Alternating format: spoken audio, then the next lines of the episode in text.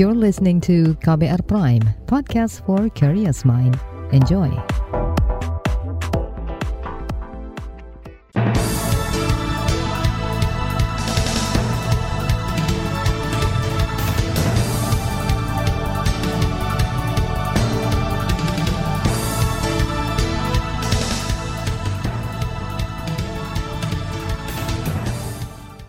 Selamat pagi saudara, senang sekali kami bisa menjumpai Anda kembali melalui program Buletin Pagi edisi Rabu 14 Desember 2022 bersama saya Sindu Darmawan. Sejumlah informasi pilihan telah kami siapkan, di antaranya calon Panglima TNI akan prioritaskan penanganan keamanan di Papua. Pemerintah akui praktik pungli masih terjadi dan di backing aparat. Relokasi Cianjur ditargetkan rampung sebelum Lebaran 2023. Inilah Buletin Pagi selengkapnya. Terbaru di Buletin Pagi. Saudara Kepala Staf Angkatan Laut KSAL Yudo Margono memastikan penanganan daerah-daerah rawan akan menjadi prioritasnya saat menjabat sebagai Panglima TNI. Daerah yang ia maksud salah satunya ialah Papua. Ini disampaikan Yudo usai rapat paripurna pengesahan dirinya sebagai calon Panglima TNI di DPR kemarin. Untuk daerah-daerah yang kerawanannya tinggi, ya khususnya di daerah-daerah perbatasan laut, perbatasan darat, juga daerah-daerah yang sekarang ini menjadi uh, kerawanan strategis seperti yang kita tahu bersama, mulai Laut Natuna, kemudian Papua, Aceh, dan sebagainya. Dan tentunya nanti akan kita evaluasi, yang kemarin saya sampaikan bersama dengan Kepala Staf Angkatan, yang untuk mengevaluasi bagaimana yang sekarang ini, kalau memang ini bagus, kita lanjutkan, nah tentunya akan kita evaluasi. Kalau ada yang kurang-kurang tentunya akan kita lengkapi, sehingga ke depan harus lebih bagus. Calon Panglima TNI Yudo Margono juga akan menggelar rapat bersama Kepala Staf Angkatan di TNI terkait penanganan daerah rawan. Saat ini kasus kekerasan di Papua terus meningkat. Kemarin Darius Yumame, karyawan Bank Papua cabang Sinak, Papua Tengah, tewas ditembak orang tak dikenal yang diduga dari kelompok kriminal bersenjata KKB. Penembakan terjadi di pasar tradisional Sinak, Kampung Gigobak, Distrik Sinak, Kabupaten Puncak, Papua, Papua Tengah. Saat itu korban tengah berbelanja di pasar. Pekan lalu, tiga tukang ojek di Kabupaten Pegunungan Bintang, Papua Pegunungan juga tewas ditembak orang tak dikenal yang juga diduga dari kelompok kriminal bersenjata. Komisi Bidang Pertahanan DPR menyebut situasi di Papua saat ini memerlukan penanganan yang serius dan intensif. Karenanya anggota Komisi Pertahanan DPR, Dev Laksono, mendorong aparat keamanan terutama TNI memperkuat posisinya di bumi cendrawasih. Dorongan itu sekaligus menjadi pesan untuk calon Panglima TNI yang telah ditetapkan DPR, Laksamana Yudo Margono juga sudah pernah terjadi berkali-kali prajurit-prajurit TNI uh, bukan hanya melaksanakan, bukan melaksanakan tugasnya untuk pengamanan, malah justru terlibat berbagai macam kegiatan lainnya, kegiatan pengamanan tambang kah, ataupun kegiatan pengamanan usaha masing masing pribadi. Nah, hal inilah yang, yang harus diselesaikan uh, bahwa porsi dan eh, kehadiran TNI itu jelas dan tegas untuk apa dan bagaimana dan juga dukungan uh, logistiknya untuk mereka melaksanakan tugas. Dev Laksono yang juga politisi dari Partai Golkar itu menilai kehadiran TNI di Papua tetap diperlukan untuk menjaga stabilitas dan keamanan di Papua. Namun menurutnya TNI harus memiliki porsi dan tanggung jawab yang jelas dalam melaksanakan tugasnya sesuai undang-undang. Saudara, soal kekerasan di Papua, kantor staf Presiden KSP mengaku juga terus berupaya mencari jalan keluar.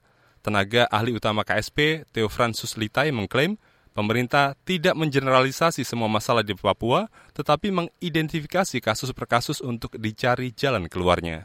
Pemerintah memang memberikan perhatian yang sangat sangat besar terhadap eh, situasi. Oleh karena itu, pemerintah menilai bahwa kita perlu untuk melihat itu case by case. Dan dari case by case itu kemudian dilakukan upaya untuk mengelola situasi secara uh, lebih baik ya perbaikan kondisi. Kalau ada aparat uh, keamanan ataupun uh, aparat negara yang terlibat dilakukan uh, proses penegakan. Jadi uh, standarnya jauh Tenaga ahli utama KSP Theo Fransus Litai memastikan pemerintah bakal berdialog dan melakukan pendekatan secara budaya dengan melibatkan tokoh masyarakat, adat hingga tokoh agama. Yang menegaskan tidak ada operasi militer di Papua. Yang mengklaim penempatan TNI untuk memperkuat pembinaan teritorial, pengamanan, dan membantu kegiatan pemerintah daerah seperti vaksinasi. Selain itu, ia juga yakin calon Panglima TNI Yudo Margono bisa memahami Papua dengan baik – sebab Yudo pernah menjabat sebagai Komandan Pangkalan Angkatan Laut di Sorong, Papua Barat. Namun aktivis HAM Papua Yohanes Jonga meragukan evaluasi keamanan di bumi Cendrawasih. Menurutnya itu sekadar narasi dari pemerintah. Sebab janji-janji pendekatan humanis yang hingga penghargaan harkat martabat tidak terlaksana di Papua. Menurutnya upaya meredam eskalasi konflik di Papua akan sia-sia karena komitmen yang disampaikan tidak pernah terrealisasi. Ini memang dampak dari tidak pernahnya ini pemerintah pusat mendengarkan orang Papua. Begitu. Jadi uh, tentu saja sampai kapan pun mau pasukan datang setiap hari datang ke Papua silakan. Tetapi selama tidak ada itu tidak mau mendengarkan orang Papua untuk dialog itu negara dia tidak akan ada gunanya untuk melindungi rakyat di seluruh wilayah Papua ini. Yohanes Jongga yang juga seorang pastor ini menilai kondisi keamanan di Papua masih stagnan Peraih penghargaan Yap Tiam Hin di 2009 itu menyebut pemerintah pusat tidak memberikan harapan bagi masyarakat Papua untuk hidup aman dan damai. Terlebih wacana dialog damai yang digaungkan Presiden dari setiap periode kepemimpinan selalu gagal. Karena pemerintah tidak serius dan berkomitmen mewujudkan keamanan di tanah Papua.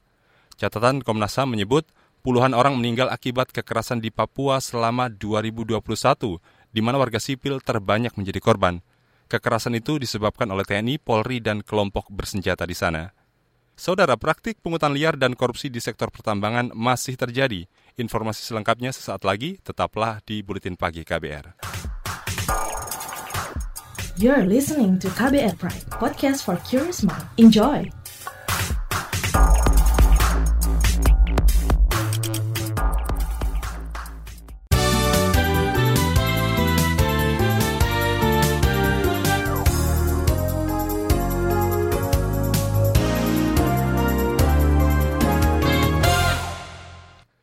Saudara pemerintah mengakui praktik pungutan liar dan korupsi di sektor pertambangan masih terjadi.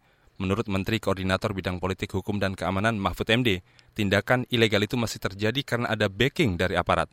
Aparat gitu, membacking tambang apa, membacking penarikan pungutan di sebuah kompleks penduduk gitu. Lalu ada yang backing gitu. Tidak ada yang berani. Nah saya katakan, loh kenapa kita berpura-pura bahwa ini ada backing. Kita tidak bisa menyelesaikan karena senior kan dulu yang membackingi. Kenapa kita berpura-pura? Mari kita selesaikan ini atau akui bahwa ini jelimet ini masa lalu sehingga kita harus membuat batas yang bisa kita tindak itu apa yang sekarang ini dulu.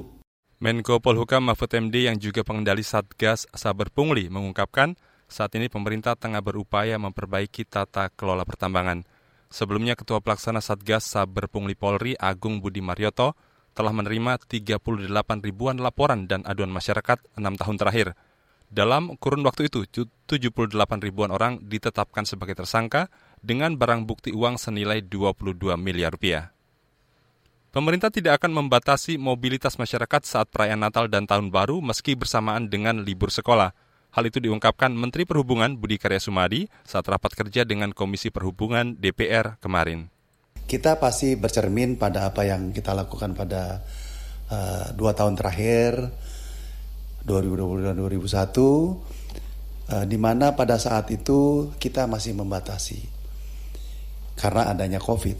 Tetapi di tahun ini 2022 dan 2023 bisa dipastikan kita tidak akan membatasi lagi masyarakat untuk melakukan pergerakan. Meski begitu, Menteri Perhubungan Budi Karya Sumadi meminta seluruh pelaku perjalanan tetap mengedepankan keselamatan, kenyamanan, dan kesehatan, sebab pandemi masih belum berakhir dan penyebaran virus corona masih terus terjadi. Kemenhub memperkirakan mobilitas masyarakat pada libur Nataru tahun ini mencapai 44 juta orang. Saudara terdakwa kasus pembunuhan berencana Brigadir Yosua Ferdi Sambo membantah kesaksian Barada Richard Eliezer dalam sidang lanjutan di Pengadilan Negeri Jakarta Selatan kemarin – Ferdi Sambo juga membantah telah merencanakan pembunuhan terhadap bekas ajudannya Yosua Huta Barat di kediamannya di Saguling, Jakarta. Kalaulah saksi menyampaikan bahwa saya minta menghajar kemudian saksi melakukan atau menerjemahkan itu perintah penembakan dari saya. Saya akan bertanggung jawab. Tapi kita berdua yang bertanggung jawab.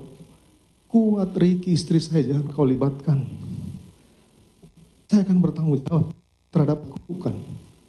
Tapi tidak saya akan bertanggung jawab terhadap apa yang tidak saya lakukan. Itu tadi terdakwa Ferdi Sambo. Sebelumnya Ferdi Sambo dan istrinya Putri Chandrawati didakwa melakukan pembunuhan berencana terhadap Brigadir Yosua Huta Barat. Mereka menjadi terdakwa bersama tiga orang lain yaitu Richard Eliezer, Ricky Rizal, dan Kuat Ma'ruf. Pembunuhan terhadap Brigadir Yosua terjadi pada 8 Juli 2022 di rumah dinas Sambo di Jakarta Selatan.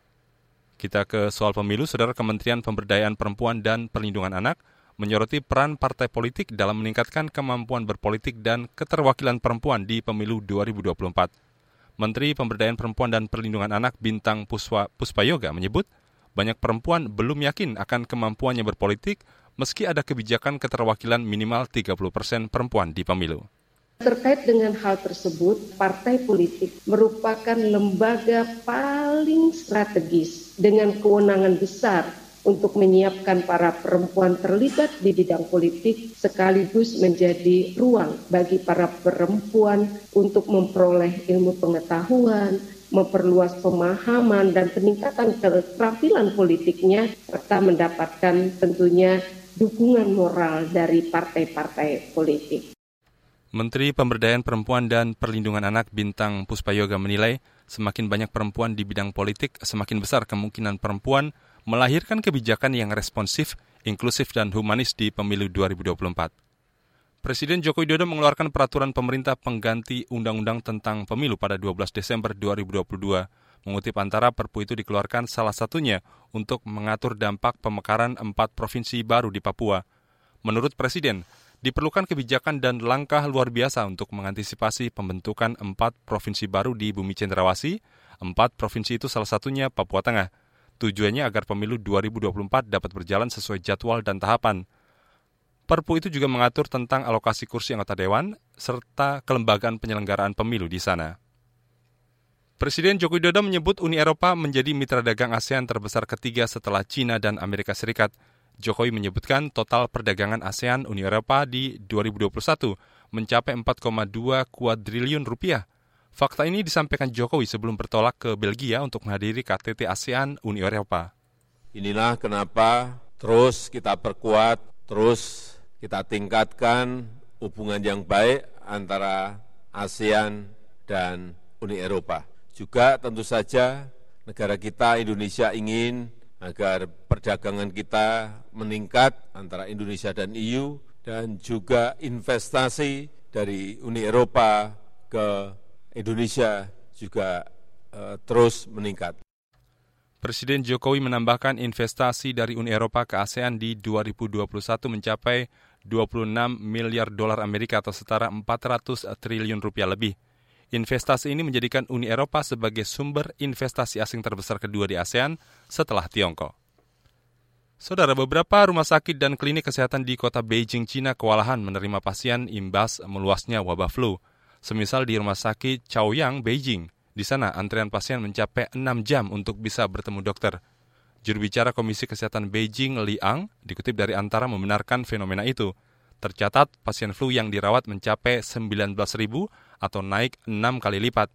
Sementara jumlah pasien demam yang dirawat mencapai 22.000 orang atau naik 16 kali lipat dari pekan sebelumnya. Kita beralih ke informasi Piala Dunia 2022. Tim sepak bola Argentina lolos ke final Piala Dunia Qatar 2022 setelah menang 3-0 melawan Kroasia di laga semifinal yang digelar di Lusail Stadium dini hari tadi. Gol-gol kemenangan Argentina masing-masing dicetak oleh Lionel Messi melalui titik putih, kemudian dua gol lain diborong Julian Alvarez. Di laga final, Argentina akan bertemu dengan pemenang laga Prancis dan Maroko yang baru akan bertanding pada Kamis dini hari besok. Saudara di bagian berikutnya kami hadirkan Saga KBR tentang nelayan Lombok Timur adopsi perikanan berkelanjutan. Tetaplah di Buletin Pagi KBR. You're listening to KBR Pride, podcast for curious mind. Enjoy!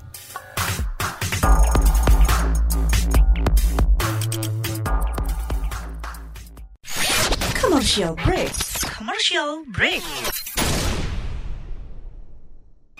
Sekarang kamu nggak bakal ketinggalan berita lagi. Lewat podcast, kamu bisa kembali menyimak apa yang sudah lewat serta obrolan seru di balik sebuah peristiwa. Gak perlu repot download aplikasi lagi. Ketik aja kbrprime.id di browser ponsel pintar kamu dan simak beragam podcast di KBR Prime.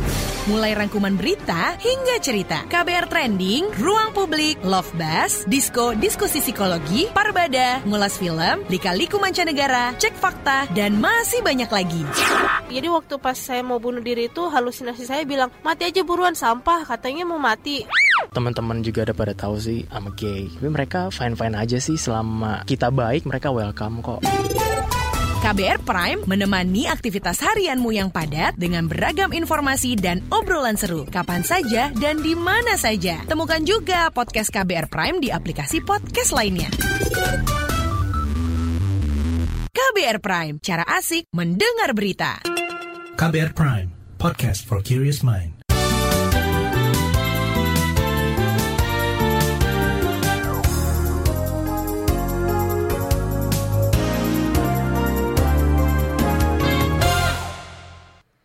Anda masih bersama kami di Buletin Pagi KBR. Saudara hasil tangkapan ikan tuna di Nusa Tenggara Barat turun selama beberapa tahun belakangan. Ini berdasarkan riset Yayasan Masyarakat dan Perikanan Indonesia MDPI. Populasi tuna makin berkurang karena diduga beberapa faktor di antaranya serbuan sampah plastik dan metode tangkap ikan yang tak ramah lingkungan. Di Dusun Baran Tapen Asri, kelompok nelayan belajar perikanan berkelanjutan demi menjaga ekosistem laut. Jurnalis KBR Zainuddin Syafari melihat dari dekat praktiknya di lapangan. Laporannya dibacakan Astri Yuwanasari.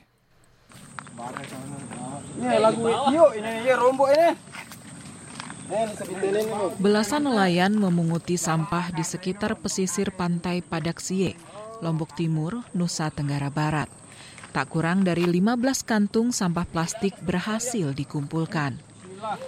Kegiatan itu digelar nelayan Dusun Barantapen Asri dalam rangka memperingati Hari Perikanan Sedunia akhir November lalu. Sepanjang 2022, sudah dua kali ini mereka bersih-bersih pantai. Soalnya kan kalau kita lihat itu di tengah laut itu banyak ya kantong-kantong plastik itu banyak dia berserakan. Di perahu itu kena baling-baling apa sampah. Oh, sangat mengganggu ya? Iya, sangat mengganggu. Sampai lepas, sampai 100 mil dari daratan ada dia. Badri, nelayan dusun Barantapen Asri bercerita, sampah-sampah plastik bisa merusak perahu. Ketika melaut, ia juga kerap memunguti sampah plastik dan membawanya ke darat. Sampah-sampah itu dibeli koperasi Segara Harapan Jaya yang kemudian dijual ke pengepul. Jumadil, rekan Badri, mengeluhkan laut selalu jadi muara sampah dari hulu. Kata dia, selain plastik, limbah kayu juga bisa melukai nelayan. Dampak yang dirasakan nelayan. Begini sudah, anu busuk sudah ini sampahnya. Bau banyak kayu juga tusuk kaki kita. Kita naruh sampah ini. Agak sulit kita ini kewalahan. Badri, Jumadil, dan belasan nelayan Barantapen Asri sadar bahaya sampah terutama plastik bagi ekosistem ikan maupun hewan dilindungi seperti penyu dan lumba-lumba. Ikan yang tercemar plastik mengancam kesehatan jika dikonsumsi manusia. Populasi ikan juga bakal menyusut, yang ujung-ujungnya merugikan nelayan. Benar nggak? Lagi panen-panennya. Yayasan Masyarakat dan Perikanan Indonesia MDPI mencatat penurunan hasil tangkapan ikan tuna di NTB. Pada 2020, jumlahnya tak sampai 60 ton, atau anjlok lebih dari 20 ton dibanding tahun sebelumnya. Ini berdasarkan riset acak di beberapa wilayah, kata staf lapangan MDPI Hairul Hadi. Dari segi ketersediaan ikan tuna ini tetap tersedia Pak, masih tersedia. Cuman jumlahnya dan ukurannya yang mulai berubah. Kita dengar dari informasi dari mereka dulunya kita mancingnya dekat sekali di sini nggak terlalu jauh. Sekarang mancingnya sangat jauh sekali gitu. Jadi operasionalnya juga besar. Dulu mereka sehari dua hari bisa pulang dulu. Tiga hari itu udah pulang. Sekarang kalau tidak di atas 10 hari mereka belum pulang sekarang. Turunnya populasi ikan juga disebabkan metode penangkapan tak ramah lingkungan. MDPI setahun belakangan gencar mengedukasi nelayan Barantapen Asri tentang perikanan berkelanjutan. Misalnya, dengan tidak melaut sepanjang tahun dan tidak menangkap ikan secara berlebihan. Staf lapangan MDPI Hairul Hadi. Salah satunya mungkin nelayan ini ada di satu waktu mereka tidak fokus untuk menjual produk utuhnya Pak. Mungkin ada produk turunan atau usaha-usaha lain yang bisa mereka kerjakan itu. Kan jadi mereka ada di, di waktu-waktu tertentu mereka akan stop melaut gitu.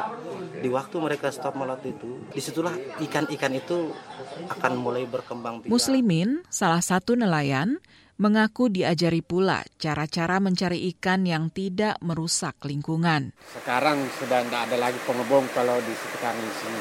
Kalau dulu ramai pakai kompresor, apa penyelam, ramai motas dulu. Sekarang. Kini nelayan tak lagi memancing di zona larangan agar ikan punya kesempatan bertelur. Mereka juga berhenti menangkap hewan yang dilindungi. Kalau dulu kayak penyu ah, enak kita makan ini ambil kalau sekarang enggak terus lumba dan enggak boleh lumba-lumba kalau hiu masih ada bisa ditangkap tapi jenisnya lain kan Ke depan, Badri berharap makin banyak rekan-rekannya sesama nelayan mempraktikkan model perikanan berkelanjutan. Saya sih menganu supaya bernelayan berkelanjutan kan istilahnya itu kayak lah populasi ikan ini hmm. harus penting lah begitu istilahnya ya, lestari ke laut kayak sampah ini jangan sampai kita buang sembarangan begitu soalnya kan pengaruh juga deh sama ikan untuk berkembang sampah demikian saga jurnalis KBR Zainuddin Syafari saya Astri Yuwanasari Informasi dari berbagai daerah akan hadir usai jeda, tetaplah bersama kami di Buletin Pagi KBR. You're listening to KBR Pride, podcast for curious mind. Enjoy!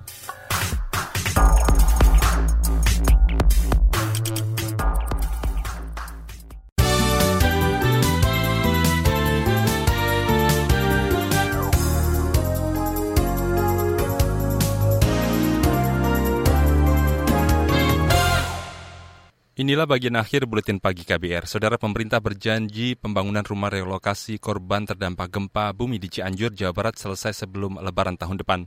Menteri Pekerjaan Umum dan Perumahan Rakyat Basuki Hadi Mulyono mengklaim telah menyiapkan dua kawasan relokasi yang rencananya akan dibangun dua ribuan unit rumah akan selesai dengan konstruksi RISA yang teknologinya sudah proven dan kita bangun di uh, Aceh, di Sulteng, di NTB, bahkan di Cianjur sendiri Menteri PUPR Basuki Hadi Mulyono menyebut pemerintah juga akan merekonstruksi sarana dan prasarana umum lainnya. Gempa Cianjur yang terjadi 8 Desember lalu itu menyebabkan 26 ribuan unit rumah rusak ringan, 11 ribu rumah rusak sedang, dan 16 ribu rumah rusak berat. Lembaga Keadilan Gender dan Hak Asasi Manusia LRC Kajiham, Jawa Tengah, mencatat ratusan perempuan menjadi korban kekerasan sepanjang 2022 Berikut penjelasan Kepala Divisi Informasi dan Dokumentasi LRC Kajiham, Jawa Tengah, Citra Ayu. Tercatat sejak tahun 2017 sampai 2021 terdapat 1.249 kasus kekerasan terhadap perempuan di Jawa Tengah. Sedangkan Januari sampai November 2022 tercatat 124 kasus. Kepala Divisi Informasi dan Dokumentasi LRC Kajiham Jateng Citra Ayu menambahkan, laporan kekerasan perempuan terbanyak berasal dari kota Semarang, Kabupaten Sragen, dan Demak. Saudara PT PLN menargetkan kawasan inti pusat pemerintah KIPP di Ibu Kota Nusantara IKN terang benderang paling lambat Februari 2024. Direktur PT PLN Tarakan I Ketut Wiryana menjelaskan, saat ini PLN tengah membangun infra infrastruktur kelistrikan dari energi baru terbarukan di sana. Untuk PLN ditargetkan nanti di Februari 2024 itu harus sudah menyala KIP-nya itu ya, KIPP-nya. Oh, iya. Nah, yang 6.000 hektar kawasan itu harus sudah menyala listriknya di Februari 2024. Sebelumnya Menteri Energi Sumber Daya Mineral Arifin Trasif menargetkan pasokan listrik berbasis energi baru terbarukan di ibu kota negara baru terpasang dengan kapasitas 130 megawatt. Saudara informasi tadi menutup jumpa kita di Buletin Pagi hari ini. Pantau juga informasi terbaru melalui kabar baru situs kbr.id, Twitter kami di akun @beritaKBR serta podcast di alamat kbrprime.id. Akhirnya saya Sindu Darmawan bersama tim yang bertugas undur diri. Salam.